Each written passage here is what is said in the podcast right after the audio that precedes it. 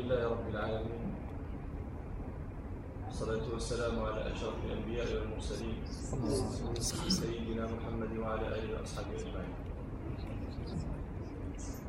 هو في الحقيقة انطباع شيء اختلج في صدري فأحببت أن أنفثه بين أيديكم لكن هو إن كان يعني يرجع إلى عمومكم ولكن الذي كان سببه والذي كان يعني منشأ اختلاجه في صدري هو أنه كانت لي دورة في كلية الشريعة طلبها طالبات الدراسات العليا.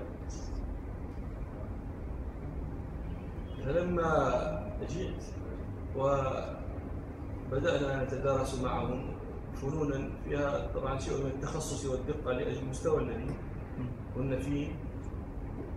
رأيت منهن مسرا من حرص على التحصيل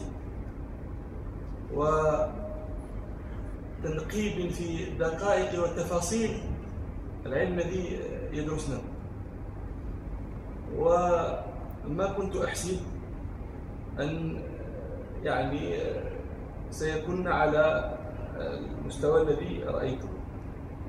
فسرني هذا. وأكد لي ما أقوله أنا لطلبتي في المغرب. فإنني أخبرهم وهم يرون هذا أن الطالبات صرن أشد حرصا وأكثر تحملا وأطلب للعلم من الطلبة. فما أدري. العلم أسعد بهذا؟ أم أساء منه ما أدري. ولذلك أنا أقول للطلبة أدركوا العلم فإنه يتأنث. صار الحملة له من الإناث أكثر من الذكور. وهذا ما أفهم له وجها. ولا سيما ليس لهن من يكفيهن مؤونة العمل في البيت. فتعمل في البيت وتجدها تحاول حفظ القرآن وتحفظ المتون وتحضر الدروس. فوجدت مثال. فأدركوا العلم يا طلبة وسرني هذا لأنني أنا في الحقيقة لا أفرق في باب العلم بين الذكر والأنثى. وأعلم أن الله تعالى ينفع بالذكر ينفع بالأنثى كما ينفع بالذكر. حتى إذا لم تجد. مسجدا تجلس فيه وتحدث الناس فإنها تعلم صبيانها في بيتها وقد يكون منهم واحد ينفع الله به أمما. فذكرني هذا قول حافظ إبراهيم. الأم مدرسة إذا أعددتها أعددت شعبا وهذا صدق وحق يشهد له التاريخ القديم ويشهد له التاريخ الحديث. مالك رحمه الله قال لأمه أذهب لأكتب العلم. قال فشمرتني وألبستني الطويلة ووضعت العمامة على رأسي يعني ألبسته لباس طلبة العلم. نعم. وقالت له الآن اذهب فاطلب العلم. ثم قالت له يا بني اذهب فخذ من ربيعة فخذ من ربيعة. ربيعة الرأي ربيعة بن أبي بن فروخ بن أبي عبد الرحمن. خذ من ربيعة أدبه قبل أن تأخذ منه علمه فما كانت ما كان أثر هذه المرأة المباركة على أمة رسول الله صلى الله عليه وسلم؟ كم حفظ مالك على هذه الأمة من حديث النبي من الدين؟ وكم دان بقوله من الأمم؟ بسبب امرأة صالحة. حتى قال سفيان بن عيينة مالك إمام أهل الحجاز وكانوا يقولون لولا مالك والليث لذهب أهل الحجاز لذهب علم أهل الحجاز بسبب امرأة صالحة. أم سفيان الثوري أتت بابنها وقالت له يا بني اذهب واطلب العلم وأنا أكفيك بمغزلي لا مانع وهذا طبعا تعلمون أن العلم لا بد له منه إما أن يصلح به طالب العلم وإما أن يفسد به. أذكر مرة شيخ مصطفى النجار رحمة الله عليه. لأول مرة لقيته. جاء وكنت جالسا أنتظره فدخل. فلما رأيت أنا ما كنت رأيته قد قبل. فلما رأيته قلت الشيخ لا يمكن أن يكون إلها وكان. ثم جاءني قال ما أنت؟ ولم يقل من أنت. قال ما أنت؟ قلت طالب. قال طالب ماذا؟ قلت طالب علم. قال أطالب مال قلت لا يصلح هذا إلا بذاك فقال لي ولا يفسد هذا إلا بذاك فقال له أنا أكفيك بإغزالي لا مال لا. مال الشافعي رحمه الله كان يقول كيف يطلب العلم من, من لا حمار له؟ فأتي بحمار. كرمه الله. فصار يحتاج إلى تعليفه وإلى ربطه وقال, وقال كيف يطلب العلم من له حمار فطلب العلم سفيان الثوري وكفته المرأة الصالحة بمرزلها ثم كان ماذا؟ من رجال الصحيحين كم حفظ من حديث رسول الله صلى الله عليه وسلم؟ بسبب امرأة صالحة. اذهب يا بني. لا, لا تحمل هما لدنيا. أنا أكفيك إذا لم أجد إلا مغزلي أكفيك به فعلت. وفعلت رحمها الله ورضي وتقبل منها ونفعها بما بما تعلم ولدها بسببها حتى بلغ من سفيان أنه قال فيه مالك كانت العراق تجيش علينا بالدراهم والثياب فصارت تجيش علينا بمثل سفيان. لكن لا ينبغي أن يظن أن كل امرأة أرسلت ابنها للعلم سيعود لها كما سفيان الثوري والبلد الطيب يخرج نباته بإذن ربه لا بد أن يكون المنبت طيبا. الحسن بن صالح بن حي أخوه علي بن صالح بن حي هذان من الأئمة من أئمة الحديث. كانت أمهما تقوم ثلث الليل دائما هو يقال الله أعلم بصحتها لا تستطيع على صحتها لكن يذكر في كتب التراجم. أن الأم والابنين كانوا يقتسمون الليل فتقوم الأم ثلثه وتنام ثم يقوم أحد الاثنين فيقوم الثلث الثاني وينام ثم يقوم الثالث فيقوم الثلث الأخير وينام. يقتسمون الليل أجدادا حتى لا يتوقف عن ذكر الله في تلك الدار. فماتت الأم. فصار كل واحد منهما يقوم نصف الليل. تلك الدار يجب أن تبقى العادة بينها وبين الله. أن الذكر فيها الليل كله. ولما مات أحد الأخوين صار الآخر يقوم الليل كله. ويذكرون أنهم كانت لهم جارية فكانت تقوم تفعل كما يفعل أهل البيت. فاحتاج أهل البيت فباعوا الجارية إلى إلى أهل بيت آخرين.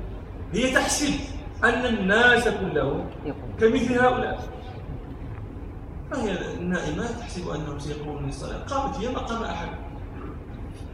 فجاءت إلى البيت الذي ينامون فيه. ينام فيه أهل الدار فدقت الباب. قالوا ما شأنك؟ قالت الصلاة. قال قال قالوا أذن الصبح؟ قالت هل تقومون حتى يؤذن الصبح؟ ثم رجعت إلى الحسن بن فقالت له ردني إليك فقد بعتني إلى قوم سوء. لا يقومون حتى يصلح حتى يؤذن الصبح فكان بنو كان آه، أبناء هذه.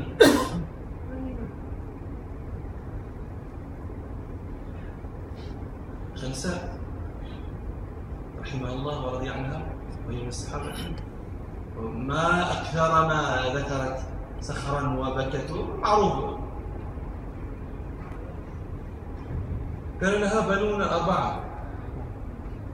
وفي ليلة القادسية. التي سيسفر صباحها عن ذلك اليوم المشكل جمعت أبنائها تنصحهم وتقول لهم يا بني إنكم أسلمتم لله طائعين. وهاجرتم. والله ما نبت بكم الله ولا أقحمتكم السنة. ولا أردكم الطمع. والله إنكم لبنو أب واحد كما أنكم بنو أم واحدة ما خنت أباكم. ولا فضحت خالكم ولا أبحت حماكم ولا أوطأت حريمكم. فإذا كان غدا فاغدوا لقتال إلى قتال عدوكم. مستنصرين ربكم. مستبصرين.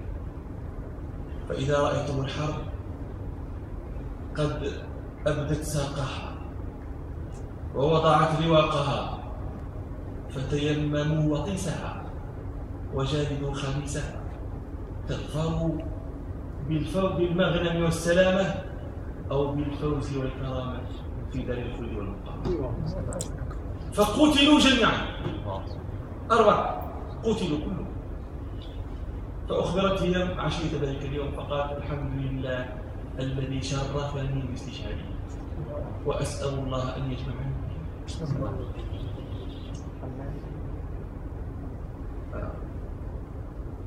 هل عقبت أرحام النساء أن تلد مثل هؤلاء؟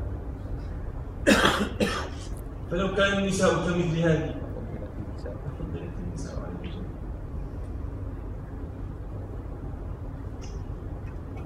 لكن هذه بشائر ثمار هذه قلت لكم هذه نفثة مصدور وهذا الأثر الذي يكون للمرأة قد أشار ربنا إليه في كتابه. لما ذكر لنا قصة امرأة عمران. إذ قالت امرأة عمران رب إني نذرت لك ما في بطني محرم هي كانت امرأة لا تجد وسألت ربها ولدا. فوقعها زوجها فحملت. ففرحة بذلك الذي وقع في بطنها نذرت لربها أن تجعله محررا لخدمته ولخدمة بيت المقدس. إني نذرت لك ما في بطني محررا. فتقبل مني. إنك أنت السميع العليم. ثم وضعتها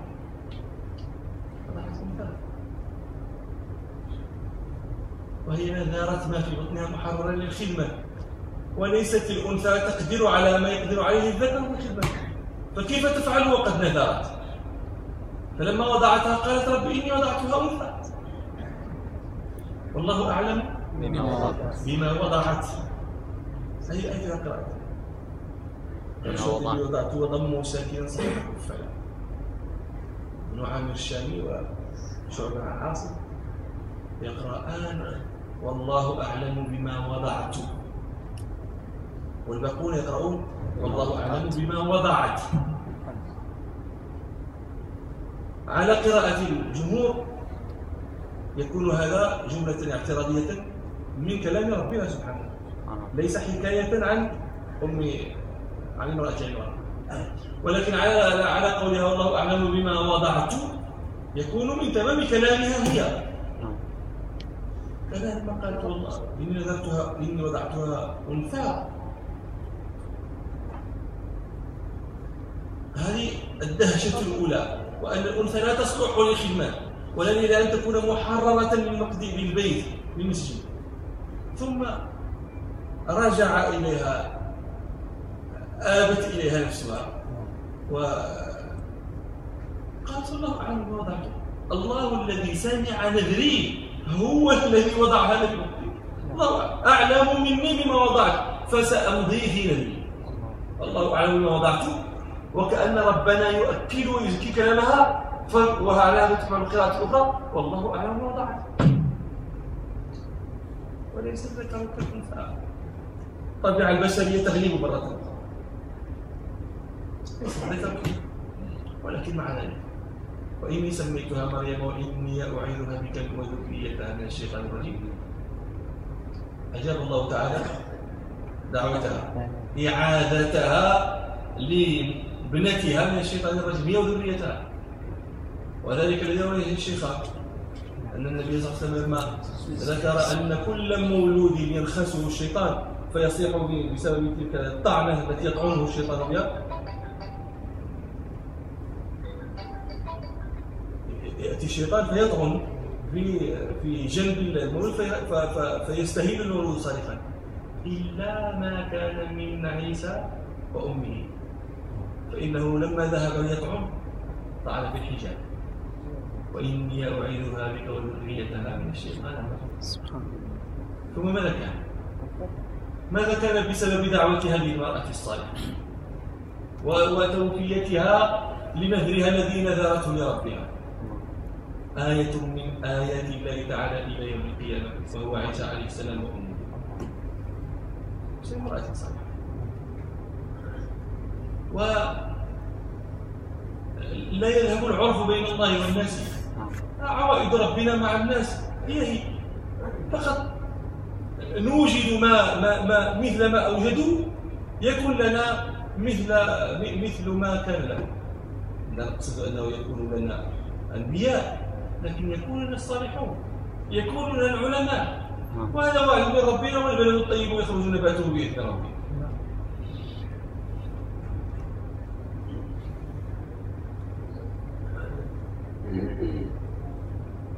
هذه المرأة التي نريدها نريدها ونبحث عنها ونأمر بالتوصية بها. عباد الله الإنسان يفرح بالطلب العلم ويرى أنه إن فاته منه هو ما يحب. لا يرضى أن يفوت أبناءه منه مثل ما فاته هو. لكن قد يقول لك كيف أنا عندي بنت؟ لا تفرق القرآن علم العلم. لا تفرق. ما تدري ما يصنع الله تعالى. ما تدري.